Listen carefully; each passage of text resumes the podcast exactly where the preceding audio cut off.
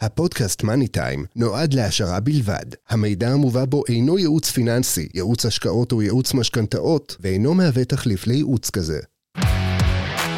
מאני טיים, הפודקאסט הפיננסי של צחי גרוסמן. שלום לכולם, צחי גרוסמן, יועץ משכנתאות ומומחה לבנקים.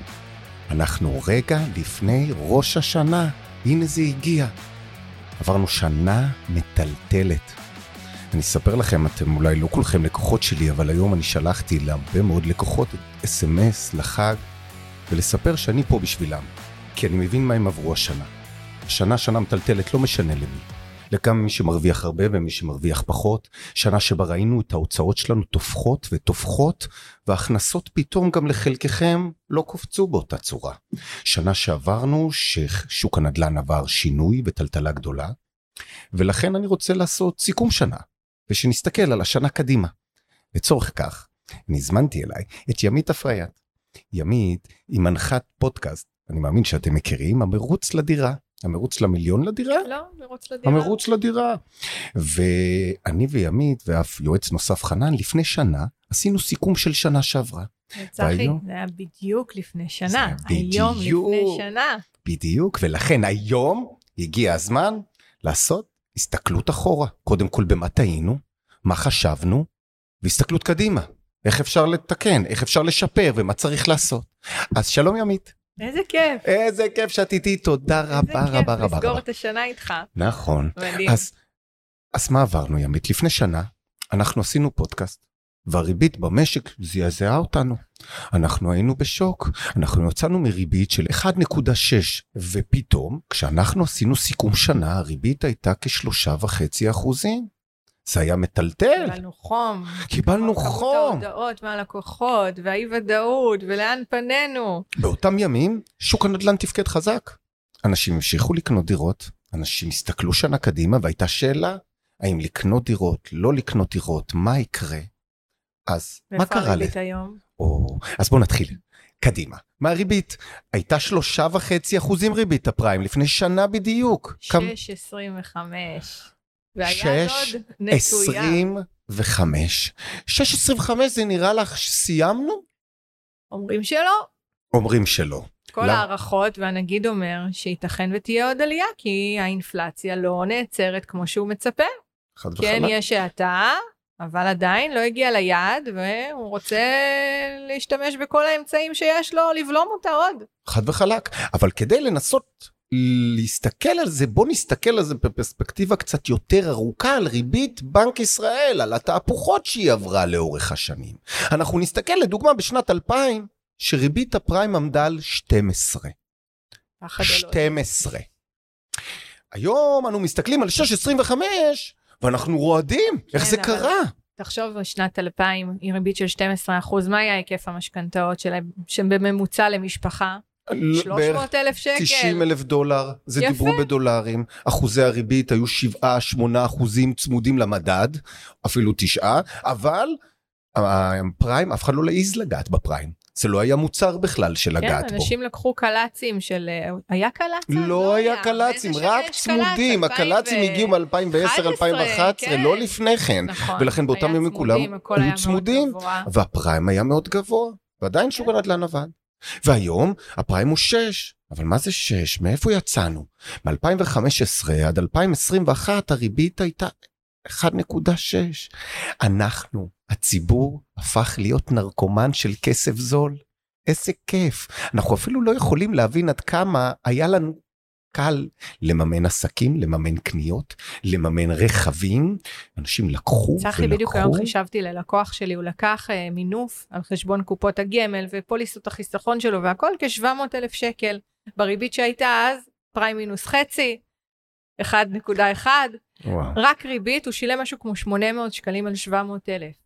היום עם עליית הריבית, הוא משלם 3.5 אלף שקל רק ריבית. רק על ריבית. ה-700 אלף שקל. כלומר זה התייקר לו פי ארבע. מה הייתה, אתה חושב, ההמלצה שלי אליו עכשיו בנקודת הזמן הזו? לא יודע. לסגור מה- את ההלוואות האלו. אם יש כסף יש לו, בוודאי. יש לו השאלה אם כסף. לא מקבלים מיסוי כנגד. כי מה שראינו מתחילת השנה, אחת התופעות השנה זה אנשים הוציאו כסף מקופות הגמל שלהם, ולא רק מקרנות ההשתלמות. הייתה יציאה, אם אני לא טועה, של כעשרה מיליארד מהפנסיות? שקלים. מהכל, מכל, לא. מקופות הגמל להשקעה, חלק מהפנסיות. נכון שהרבה לא, מאוד מה פתאום, אני מקרנות, לא אמליץ מהפנסיה. מקרנות ההשתלמות יצא כשתי מיליארד שקלים. אבל בסך הכל, מכל, מכל המגזרות כעשרה מיליארד שאנשים לקחו והקטינו חובות. אז נחזור לפרספקטיבה של הריבית. הריבית הייתה קיצוני מ-2015 עד 21 באחוז נקודה 6, והריבית של שנת 2000 הייתה קיצונית 12 אחוז, אז אולי היום הגענו לנורמה זה משהו חדשה. נורמלי, אתה אומר? לא, אני לא מאמינה. חושב. אני חושב שלטווח הקצר אפילו יכול להחמיר, אבל מאוד הגיוני שאנחנו נחזור לנורמה מסוימת. שלושה אחוזים. שלושה, ארבעה אחוזים, אנחנו גם ראינו שמשנת 2010 עד 2020, עד 2015, אותה- הייתה את ההתהפכויות האלה. הנגיד הרים את הריבית לשלושה ארבעה והוריד את הריבית זה לאפס. נשמע לי כמו משהו שכלכלה תקינה צריכה להיות בו. אפס של- לא נראה לי סביר. אפס לא סביר וריבית שש וחצי גם לא. נכון, ולכן אנחנו יכולים. להניח שהיום אנחנו מאוד גבוהים. האם אני ואת ששוחחנו לפני שנה חשבנו שסיימנו עם העלאות הריבית? לא. לא. האם דמיינו שנגיע למספר הזה כל כך מהר גם. כל כך מהר? טירוף. עכשיו, מה כל משפחה מרגישה מהדבר הזה? חנק. בוא נתחיל לפרט את החנק. החלק מתחיל מהלוואות ולא ממשכנתה. אני רואה יותר ויותר משפחות שמפוצצות בהלוואות. זה מתחיל בהלוואות רכבים, מוגזמות לחלוטין, שאנשים לקחו 200 אלף, 300 אלף, 150 אלף, קנו שני רכבים לבית. אנשים נחנקו ב- במינוס, אז לוקחים הלוואות. אני רואה משפחות עם בין 200 ל-300 אלף שקל הלוואות. כשהלוואה מתייקרת, היא מתייקרת כמו משכנתה, יותר, כי הריבית שם יותר גבוהה. לא. כמו במשכנתה. והתקופה היא קצרה. עצם התקופה היא קצרה, יש לה השפעה מאוד אגרסיבית על התשלום החודשי. אז כלומר, מי שהחזיק מצד ההלוואות, הוא קודם כל הרגיש חנק. מהצד השני, לכולנו יש משכנתה, וכל אחד הרגיש את החנק לאט לאט, לא בעוצמה כל כך חזקה. זה התחיל לנו בקטנות, בקטנות, ולדעתי היום בממוצע למשפחה, המשכנתה התייקרה בין כ-1,000 ל-1,500 שקלים. כן. איזה עוד תופעה קרה לנו השנה? במשכנתאות? כן, הגיע מדד. שלום מדד. מדד של חמישה נקודה שלושה אחוזים. אנשים שמסתכלים ולקחו איתי לפני שנה משכנתה, משהו שהוא צמוד למדד, גילו שהחוב גדל והם לא הורידו כסף. זה דברים שאני הייתי רגיל לסיפורים האלה מההורים שלי, משנות נכון. האלפיים, שלא יורד ההחזר לקחתי ושעומדים 500,000, במקום, אני חייב 500,000? 510,000. ופתאום התופעה הזאת קורית, התחילה לקרות השנה. בוא נוסיף עוד משהו. ריבית משתנה כל חמש שנים. ב-2018 וואו, במה נגעת? הייתה תסבירי. אטרקטיבית, הייתה נמוכה, אנשים לקחו. כלומר, לפני כחמש שנים, בשנת 2018, היו הרבה לקוחות שלקחו... רוב המשכנתאות מורכבות, פריים, משתנה לא צמודה, משתנה צמודה ברוב המקרים, וקבועה. צמודה או לא צמודה, תלוי. מה היו הצרכים וההבנה של אותו אדם שלקח לפני חמש שנים. היום, 2023, חמש שנים אחרי, הריבית השתנתה. רוב המקרים שראינו בדוחות שאני מקבלת, הריבית קפצה להם. באחוז. וחצי, שתיים. אז תוסיף את הפריים שעלה, למדד שעלה ולריבית המשתנה שקפצה, אימא'לה. ואבא'לה. בום. אגב, אני אספר, גם אני, אני מחזרתי את המשכנתה שלי ב-2018, וגם לי קפץ החלק הצמוד. אני חוויתי את זה, על בשרי קפץ לי בכשתי אחוזים. כלומר, זה יכול לקרות לכל אחד. ראיתי השבוע דוח של שישה אחוזים שהיה שלוש לפני חמש שנים. בום. ואף אחד לא שם לב. כלומר. לאו דווקא עליית צחי, גם בהחזר מה החודשי. אנשים לא יודעים על המשתנה? היא מורכבת מאיזשהו עוגן שהוא אובייקטיבי לחלוטין. העוגן הזה הוא צמוד לתשואות אג"ח, הבנק אין לו say עליו, לבנק יש say על התוספת. כמה הוא מרוויח אקסטרה מעבר לעלות הגיוס שלו. כן, וכשאדם הולך לבד לבנק, הוא צריך לדעת שעל התוספת הזו הוא יכול לנהל את המשא ומתן, כי התוספת הזו זה מה שיקרה לו עוד חמש שנים. עם אותו עוגן שיכול לעלות ויכול לרדת, אין לו שליטה עליו, אבל ככל שהתוספת שהוא ישיג מהבנק תהיה נמוכה יותר, הנזק במקרה של עלייה יהיה רך יותר. נכון מאוד. וזה חשוב לשים על זה את הדעת שמנהלים את המשא ומתן עם הבנק. עכשיו, במהלך השנה הזאת קרתה עוד תופעה. מהרגע שעשינו את הסיכום, באותם ימים הבנקים עוד מכרו הרבה כסף. וכשהם מכרו הרבה כסף, הם רצו מרווח גבוה. וככל שהתעמק, התהלכה והתקמקה השנה, הלכה והתקדמה השנה לכיוון ינואר, פברואר, פתאום השוק התייבש. כמות העסקאות במשק ירדה מכ-10 או 12 מיליארד לכ-6 מיליארד. מהמם. אפילו אם נסתכל על חודש אפריל, שהוא היה חודש חלש כי יש בו גם פסח, אז היה 4.5 מיליארד שקל. בתופעה הזאת הבנק אמר, אני רוצה למכור בכל מחיר. בכל מחיר, אני רוצה להמשיך לתת הזנה לשוק.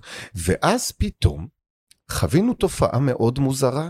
נגיד בנק ישראל מעלה את הריבית, ומעלה את הריבית, אבל ריביות המשכנתה לא כל כך התייקרו. נכון. קרתה פה תופעה של משהו הפוך, ואם תרצו לנסות להבין, זה נקרא עקום התשואות. בדרך כלל, בעקום התשואות מדבר, ככל שהמרחק אל הכסף הוא רחוק יותר, נרצה פיצוי גדול יותר. ותקופה היא קצרה יותר, אני ארצה פיצוי קטן. בימים אלה החשיבה התהפכה. כרגע אנחנו בטווח קצר והכל בלגן, ובבלגן הזה עוד יכול להיות שנמריא גבוה. אבל לטווח ארוך, אנחנו מאמינים שיחזור להיות נורמלי, וטוב. ופתאום, קל"צים שקיבלנו בקיץ, למרות שהפריים היה שלושה וחצי אחוזים, כבר נקש...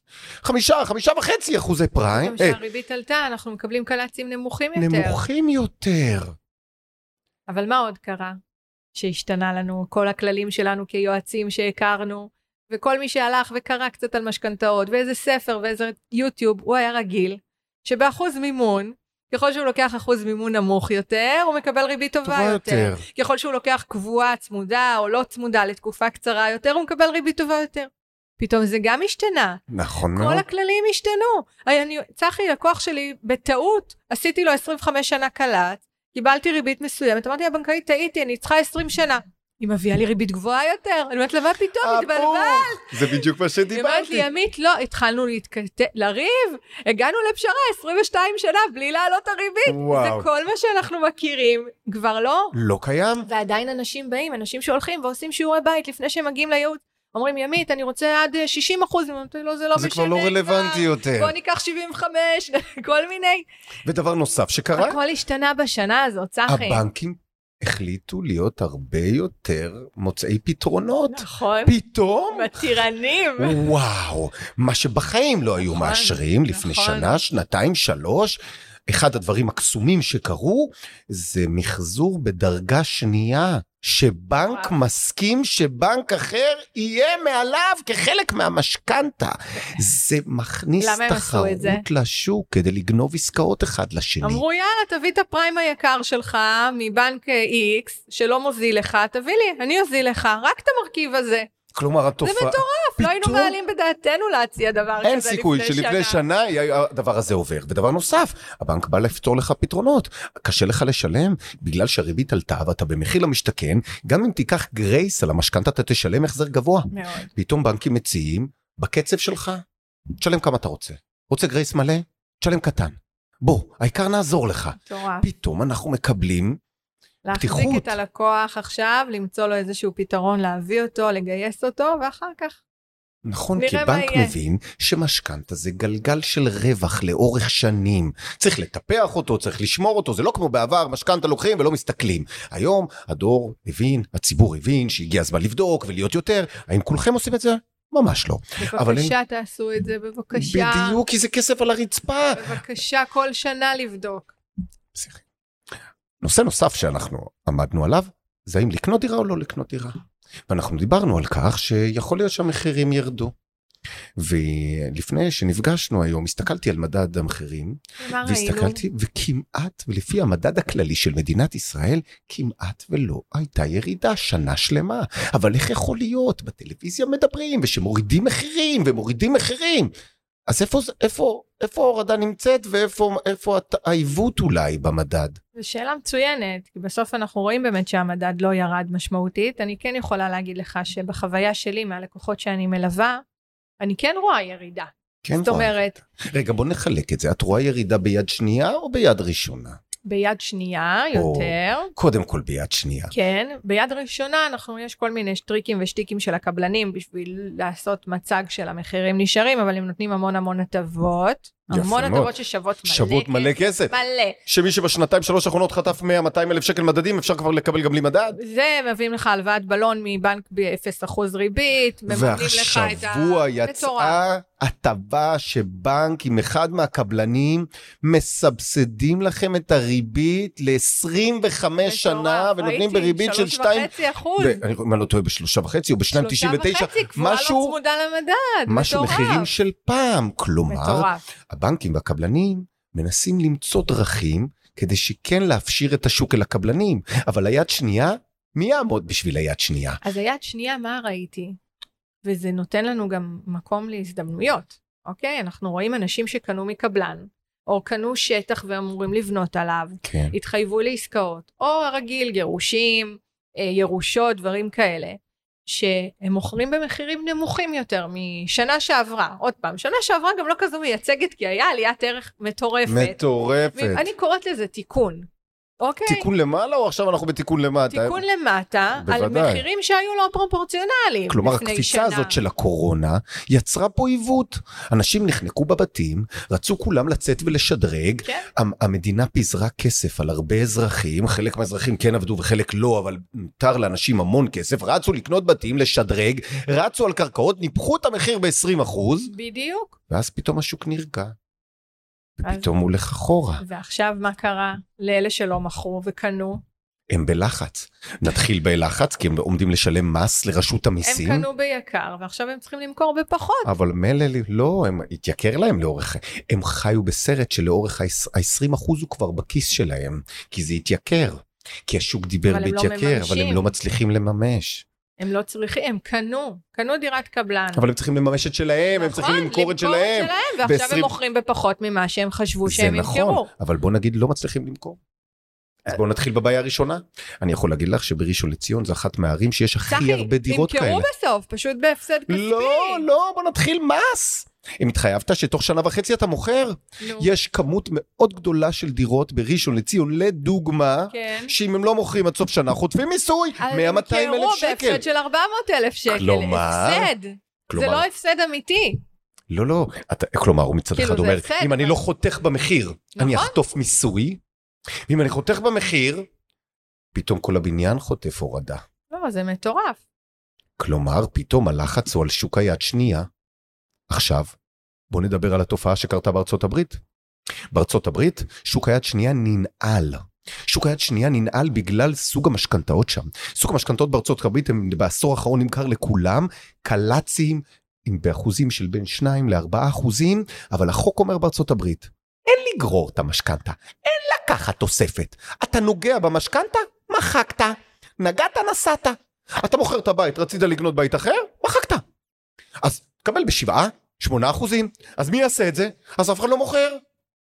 אז, אז פתאום חזר הלחץ על השוק היד ראשונה. עכשיו נסתכל אצלנו. שוק היד הראשונה מנסה לתת פיתויים, מנסה לתת הלוואות, אבל יש לו גם סכנה. הוא גם חנוק מהלוואות. נכון. אני שומע קבלנים קטנים, נותנים פתאום, רגל. עומדים לפשוט, יש כאלה פשטו. אני חושב שאם היו מרימים ריבית חודש, היו כבר קבלנים שהיו מרימים דגל על פשיטה. כן. ממש. ולכן אנחנו צריכים לזכור שזה שאולי חלק מהציבור שונא את הקבלנים, הם גונבים, לוקחים לכולנו. אם הם לא יבנו, מה יקרה פה? ובשנה האחרונה, 80% מהמכרזים של מינהל מקרקעי ישראל נסגרים ב... בלי הצעות. לא קונים. כן. כלומר, בעוד חמש אין שנים מה להם יקרה פה? תזרים. הם לא ניגשים, המחיר גבוה. המינהל דורש ואף אחד לא מוכן לממן, כי איזה לא יודעים באיזה. מחיר אתה איזה תמכור. אבסורד זה. הכל התהפך, הכל התהפך עכשיו. ומעל הכל, לפלפל את הכל, מה שלא ראינו את זה שנה שעברה, והשוק שנה שעברה היה חזק, והכלכלה של המדינה הייתה טובה, והכל, והיה נראה לנו שפתאום הנגיד עושה לנו טלטלה, אבל הכל בסדר, והיום אנחנו נמצאים ברמת סיכון אחרת. יש לנו ממשלה שהיא נכנסה לעימות מול מערכת המשפט, והדבר הזה מעיב מאוד על המשק. הדבר הזה יכול להקפיץ לנו את המטבע, ויכול לשחק לנו עם אגרות החוב, ולגרום לזעזוע. זה קורה. אני, אני מוציא את זה החוצה, אני, לא- אני מנתק את זה מהכלכלה, כי הכלכלה שלנו לפני שנה הייתה זהב טהור, וזה לא משנה עכשיו ממשלה כזאת או אחרת, אלא משהו קורה פה טלטלה אמיתית, וכלכלה חייבת יציבות, שקט, ראייה קדימה, וזה בעיניי את מין... זה אי אפשר להגיד שהיה לנו ב-2022. לא. אז מאז לפני שנה עד היום, זו הייתה שנה של פחות יציבות ויותר בלאגן. הרבה אי ודאות. אני יכול... אנשים יושבים על הגדר. אני השתמשתי המון בביטוי השנה שאין לי כדור בדולח. מאוד קשה לי לחזות קדימה. אנשים שיש להם כסף ולא נכנסים לשוק הנדל"ן, דווקא עכשיו שיש הזדמנויות, mm. אני מניחה שברגע שהריבית תתחיל לאותת ירידה, המחירים שוב יעלו. למה שהריבית תאותת למטה? איזה, איזה מינים יכולים לגרום לנגיד להוריד? שיגיע ליעד האינפלציה שלו, שהוא ממש מתקרב. שאנחנו כבר ממש קרובים, אז למה הוא לא מוריד? כי הוא עוד לא הגיע ליעד. לא, כי לדעתי הכל עניין הפוליטי, הפוליטי-משפטי. הנגיד מאוד מאוד חושש. הנגיד כבר עם רגל אחת בחוץ, גם לא? אני לא יודע אם הוא יודע. אני באמת לא יודע. אני חושב שיש הרבה ביקורת על הנגיד, אבל אם נסתכל, גם אני אפילו, כבר ראיתי בשלב מסוים שזה מוגזם והוא חונק, אבל אנחנו רואים שיעד האינפלציה משתפר. זה ממש חיובי. מקדש את המטרה שלו. זה ממש חיובי ובטווח לא נורא. נורא אבל... הרבה שיח על אנשים שחושבים פעמיים ומצטמצמים בחופשות, לא מחליפים את הרכב כמו שהם היו רגילים, עוד פעם לגלגל הלוואה. או שוק הרכב עבר טלטלה השנה. וגם בדיור, גם בדיור, בשיפור דיור, אנשים חושבים פעמיים, כי הם יודעים שאם הם ירצו לשפר דיור, משמעות של משכנתה אולי יותר גדולה, החזר יותר גבוה. כלומר, את מסמלת שיכול להיות שאפילו יש הזדמנות עכשיו לקנות דירות. אני לא מסמנת, אני אומרת את זה בוודאות שיש הזדמנות בוודאות, עכשיו לקנות. עכשיו. כן. כי לצערי, זה לנצל את הקושי לא של אותם אנשים. לא לצערך, את מסתכלת מכובע של משקיע. למה אני אומרת לצערי? כי בסוף אני מדברת על אותו אדם, שבראשון לציון דיברת, כן. ש, שצריך למכור, כי הוא התחייב למכור תוך שנה וחצי. אז עכשיו הוא נאלץ למכור בפחות ממה שהוא חשב לפני שנה וחצי, וזו הזדמנות לאותו אחד שיש לו כסף עכשיו לבוא ולקנות מאוד. בפחות במאות אלפי שקלים. ואז אני מקבל טלפונים מלקוחות ואומרים לי, צחי, בסדר שאתה אומר את זה, אני מסתכל ביד שתיים שקל, אף אחד לא מוריד מחיר. נתון למשא ומתן אגרסיבי מאוד, ואני הכבוד. מדברת איתך על מאות אלפים, לא חמישים ולא מאה אלף שקל. אנשים חותכים במחיר. לקוחות שלי, אחד שביקש 2.8 מכר ב-2.3, לקוחה שלי ביקשה 3.8 ו-3.2. וחצי. אנחנו רואים ירידה. ועוד פעם, אני גם לא יודעת אם לקרוא לזה ירידה. כי זה נקודתי. כי בסופו של דבר, מי שלא צריך למכור, הבית שלו לא יוצא החוצה, והוא לא משדרג, הוא יושב על הגדר. מי שעכשיו בחוץ בדיוק. הוא מי שצריך, מי שחייב בדיוק. למכור. ואחד הטיפים שאני יכול לומר לכם זה לדבר איתם ולתמלל אותם. המתווכים חותכים אותך ואתה לא מכיר את הצד השני, אבל אם אתה תנהל שיחה ותשמע למה אתה מוכר, לאן אתה עובר, כמה מהר אתה צריך, ופתאום תשמע שהוא צריך את הכסף עוד שלושה חודשים, הוא לא ישן בלילה. בול. הוא לא ישן בלילה, אתם לא מבינים את הלחץ שאנשים נמצאים בהם. זה משהו שלא חווינו. למרות... חוסר נזילות. זה קשוח. מה שאמרת זה מאוד מדויק, ועדיין, עם זאת, לאותו מוכר קשה להשלים עם העובדה שהוא ייאלץ להיפרד מכמה מאות אלפים בתהליך המכירה הדחוף והמהיר שלו. הוא כל הזמן נורא מאמין שהוא יצליח לקבל את המחיר הגבוה יותר, ואז אחרי שהוא כבר לקח הלוואת גישור ועוד גישור ובלון וזה, שהוא ממש רגע עם הרגל בתוך הבית החדש שלו, והוא כבר חייב את כל... רק אז הוא מוותר. ואחרי לילות רבים של בלי שינה. אבל גם אין הרבה טלפונים. גם זה מאוד מלחיץ. נכון. לא רק שבא נכון, מישהו ולהתווכח איתו. אנשים לא מקבלים אישור עקרוני. אנשים. גם או, זה קורה. זה עוד תופעה. זה התחיל, אני שומע יותר ויותר מלקוחות. המתווכים לא מסכימים להראות לי את את אם אני לא מראה אישור עקרוני כי בכלל. כי הם לא רוצים לבזבז את הזמן שלהם. כי הם מבינים שהרבה אנשים לא מקבלים. נכון. על חוסר אישור עקרוני. נכון. כי ההחזרים החודשיים גבוהים יותר ממה שהיו בעבר, אבל זה לא, זה לא מתיישר. אבל צחי, אמרת שהבנקים לא העלו את הריבית. עדיין זה הרבה יותר גבוה ממה שהיה לפני שנה וחצי, שנתיים. זה שיכול לקרות פה קפיצה עוד נוספת, כן. אני רואה שאם משהו שלילי יכול לקרות, התקופה הזאת עוד נתנה פתרון. אני עוד מאוד, אני חושב שאם משהו יקרה בשלילי בנושא המשפטי, גם הקלצים, גם הארוכים, העקום יחזור להיות שהארוכים הופכים להיות מסוכנים יותר, כי בעצם כל פרמיית הסיכון של מדינת ישראל תעלה. שם. וזה החשש הגדול, ופה אנחנו צריכים שהמנהיגים שלנו ישתיקו, ירגיעו, יפייסו, ואני לא מתייחס כרגע מי צודק, זה בכלל לא משנה, אני מסתכל רק היבט כלכלי, זה יכול לעשות פה תוהו ובוהו. ועכשיו, אם אני מסתכל תוהו ובוהו והכל, אז אני מלחיץ ומלחיץ, אז איך אני אומר לקנות דירה? כי אני מאמין בלב שלי שאנחנו במין תקופה מסוימת של טלטלה. והתקופה יכולה להידרדר, אבל אין לי כדור בדולח. וכאשר אני יושב היום עם לקוח, אני רוצה לספק לו ביטחון ושקט. ופתאום גיליתי שיש מסלולי משכנתה שונים לגמרי ממה שעשיתי לפני שנה, שנתיים. נכון. מה גילינו, ימית? גילינו מסלול שלפני שנה, שנתיים, היה מוקצה. אחוזים בודדים לקחו אותו, אם בכלל. יש מסלול שנקרא משתנה, לא צמודה למדד. דיברנו מקודם על מסלולי משתנה, איך הם מורכבים, עוגן אובייקטיבי ותוספת שהבנק קובע. ולפני 2018, לצורך העניין, או 2019-2020, הריבית שם הייתה מאוד מאוד גבוהה. הייתה מעל חמישה יחסית מול אחוזים. אלטרנטיבה, בטח של הפריים. הפריים, בוודאי. הזול, שהיה אחוז הייתה נקודה מעל שש. חמישה אחוזים, היו מוכרים אותה חמש וחצי, חמש שבע. היום, כי תשואות האג"ח ירדו, והתוספת של הבנק על התשואות ריאלית יחסית. בוא נדבר על התוספת.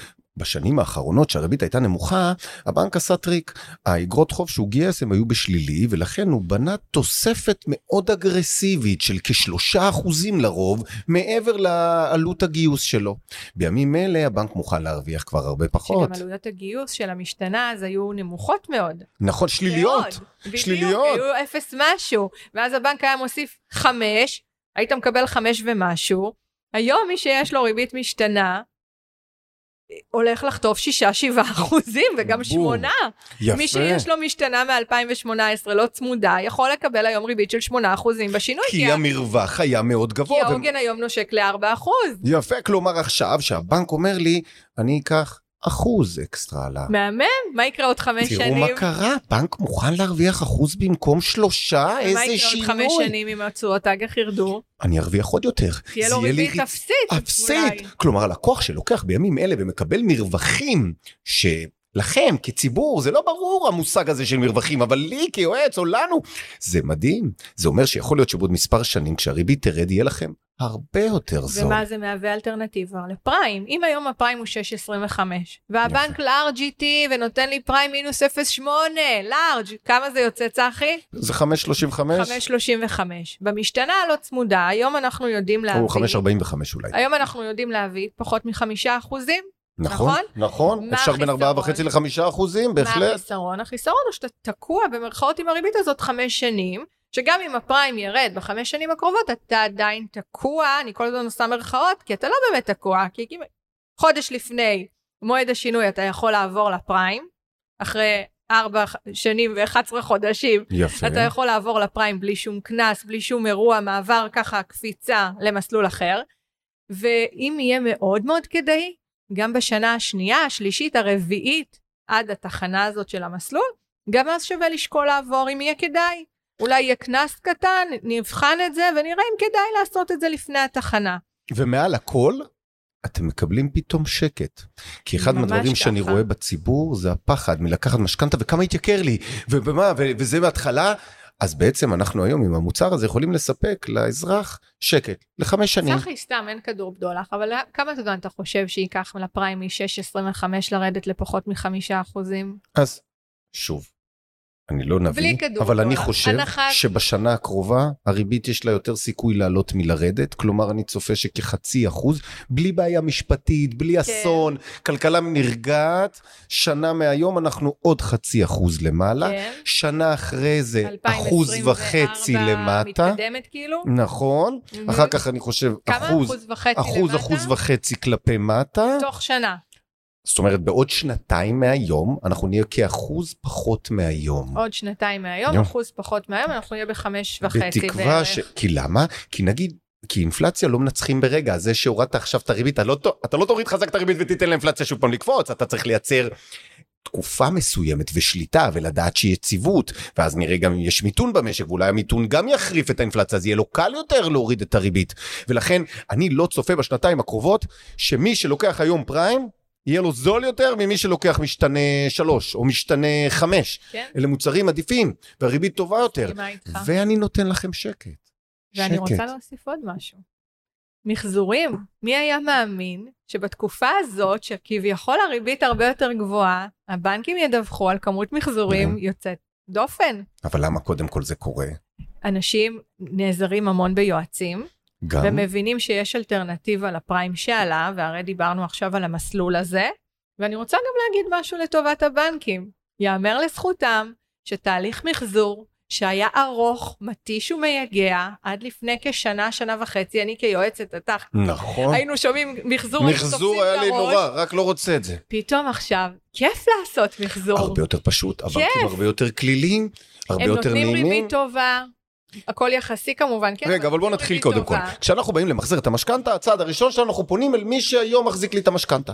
כאשר אני פונה אליו, אני מגלה שכנראה חלק מהמשכנתה שלי ממש טובה, וכנראה חלק פחות טובה. אני רוצה למחזר חלק. אז כשאני רוצה למחזר חלק, הבנק אפילו אומר, אני לא צריך ניירת. אם אני מוריד לך החזר חודשי, אל תביא ניירת. מושלם. והוא מדהים, מהטלפון, במייל, אס.אם.אס, אין חשש, אני בחופשת לידה, אני החלפתי מקום עבודה, שום דבר, אין בעיה, לא טאבו, לא כלום. מצד שני, כאשר בנק מרגיש שהוא מחזיק אותך, אז הוא לא ייתן את ההצעת הריבית הכי טובה. ופה נכנס לעולם הזה האפשרות ללכת לבנק אחר ולבקש רק על החתיכה הנוספת היקרה שלי, רק אתה תמחזר לי את זה. רובכם לא אוהבים ללכת לבנק אחר. אחד, אתם מתעצלים. שתיים, אם נלך בסוף לבנק אחר צריך לעשות גם קצת משימות ולעשות טאבו ו... אז אחד מהבנקים אפילו החליט שהוא עושה עבורכם את כל התהליך. הכל אפילו גם את הטאבו לא צריכים לעשות. שמאות הכל. הכל. כלומר המערכת מאוד פרו רק תרצו רק תנסו רק תעשו רק תדחפו זה שווה לכם כסף. אבל מי שנרדם הבנק חוגג ראיתם את הרווחים השנה? אני מתאר לעצמי שראיתם.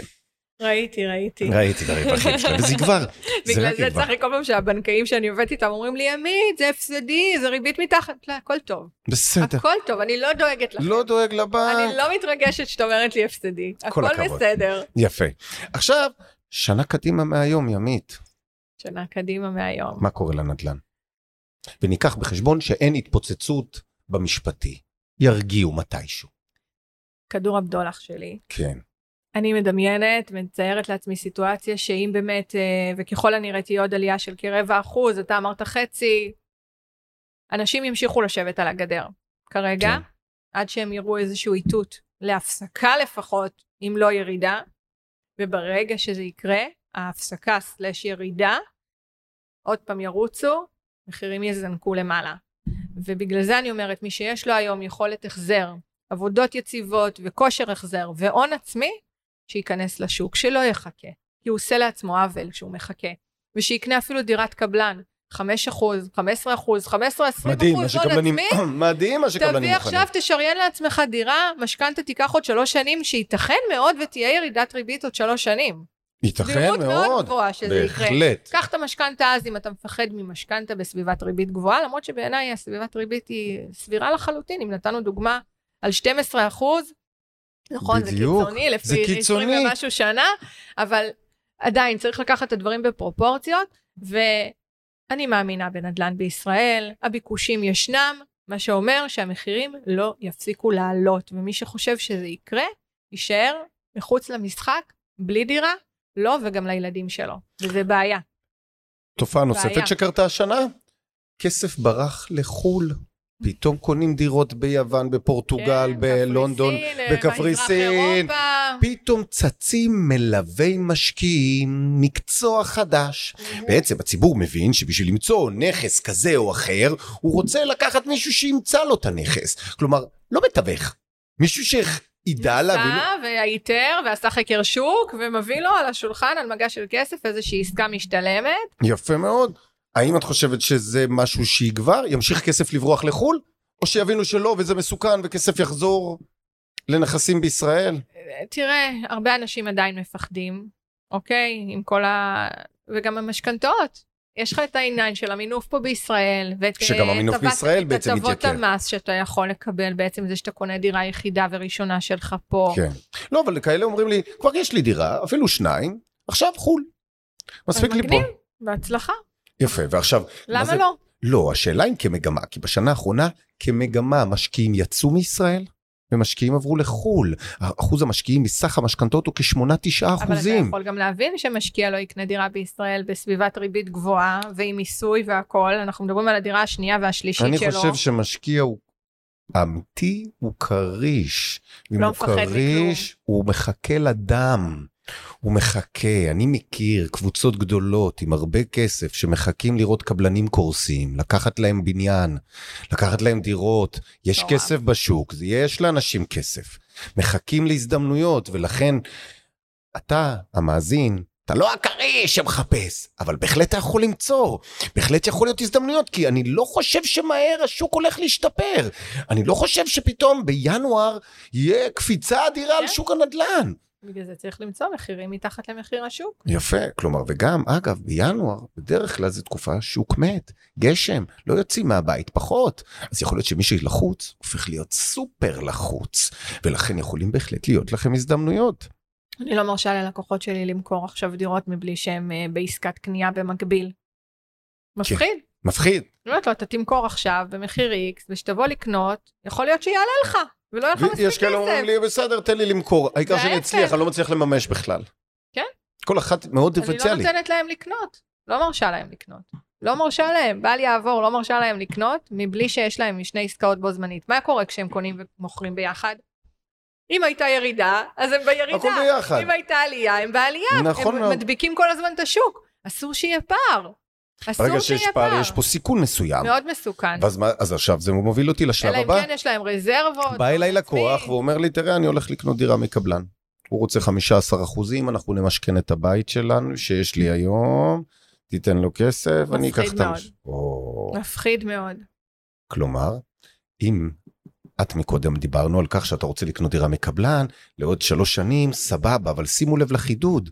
כלומר, אם אתה צריך למכור דירה, לא בטוח, כי לא בטוח שתקבל את המחיר. אני אעשה להם את זה, אם אני אראה שאחרי 300-400 אלף שקל, הפסד, הם עדיין סוגרים את העסקה, אז אני מוכנה לתמוך בהם וללוות אנחנו יכולים אותם. להגיד לך, איפה עוד שנה, שנתיים, שלוש, הכל המחירים מוכנה. ירוצו. לא מוכנה בשום... אני לא אלווה, יפה לא מאוד. מוכנה. כי יש סיכון מאוד גבוה היום, מי שלא מוכר את הנכס וקונה נכס אחר, בסיכון. ועכשיו בואו נדבר עליכם, רוכשי היד שנייה שחיים בסרט של שנת 22, שעוד רגע הוא מוכר את הנכס, ומאותו רגע אתה שמת על עצמך קוצב לב. איך אתה תסגור את השנה? אני, זה הכי מסוכן מבחינתי, ולא כן. לעשות טעויות כאלה, בטח לא לעסקאות של חצי שנה, לטווח קצר, אלא לפתוח עסקאות. אם יש אפשרות של עד שאני מוכר, כדי שלא תילחצו ותורידו במחיר בצורה כואבת. מה עוד יהיה השנה? מה עוד יהיה השנה? האם את חושבת שהגענו לשבעה מיליארד, זה סכום ששוק המשכנתאות יישאר בו, או אנחנו לאט לאט נחזור למספרים יותר גבוהים, או ההפך? אני חושבת ששבעה מיליארד זה סכום מאוד מאוד יפה להיקף עסקאות בחודש. מאוד שבעה יפה. מיליארד שקל, אני חושבת היקף. ש-12 ו-10 זה היה מטורף. גם הבנקים לא הצליחו? להכיל אותם. הם קרסו. הם קרסו, היית רוצה פגישה עם בנק, אתה לא יכלת לקבל בכלל. היה מטורף, לא היה כיף להם, הם לא, מי רוצה? אני חושבת ששבעה שבעה מיליארד שקלים בחודש, זה היקף מכובד לכל הדעות. הוא מכיל גם את המחזורים, נכון? נכון מאוד. וזה קצת משנה ומעוות לנו מעוות, את זה, כי כן? המחזורים בעצם גדלו מאוד בימים נכון. אלה. אז זה קצת מהווה את הנתון, ועדיין, שנשאר ככה. כששבעה מיליארד שקל? שאיפה שלי עכשיו ככה, אני חותמת, נשאר על, אה, נגיע לריבית של שלושה אחוזים, היקף אוקיי. משכנתאות, אוקיי. שהנדל"ן לא יעלה כרגע יותר, שיישאר ככה תקופה, תן לנו. זאת אומרת, ה-best case scenario שלך, שנה מהיום, הריבית ירדה באחוז שתיים, המחירים המחירים נשארו במקום, ועדיין שוק, לשוק. שוק הנדל"ן 7 והוא מיליארד. יעשה את העליות ערך הטבעיות שלו, לא של 20 אחוז. אז, אני לא. רוצה, אז אני רוצה לתת הימור אחר. צחי, שאתה עושה תחשיבים עם לקוח על עליית ערך, כמה אתה שם? אני לא נותן עליית ערך. לא נותן עליית לא ערך? נותן עליית ערך יותר. למה? אין, לא מאמין, באמת? לא רוצה. מה אתה אומר? אין עליית ערך. לא שמה- לעשר שנים. אני מדבר לך חמש שנים, שלוש שנים, לא יהיה עליית אני שמה בין ערך. שלושה לחמישה אחוזים. לא, אני לא חושב כרגע, אני כן לא בונה על זה, כי יכול להיות שירד ויכול להיות שיעלה, ואני לא יכול לתזמן בדקה המדויקת. נכון. ולכן, נכון שלפני שלוש, ארבע שנים היה לי יותר קל לעשות את זה.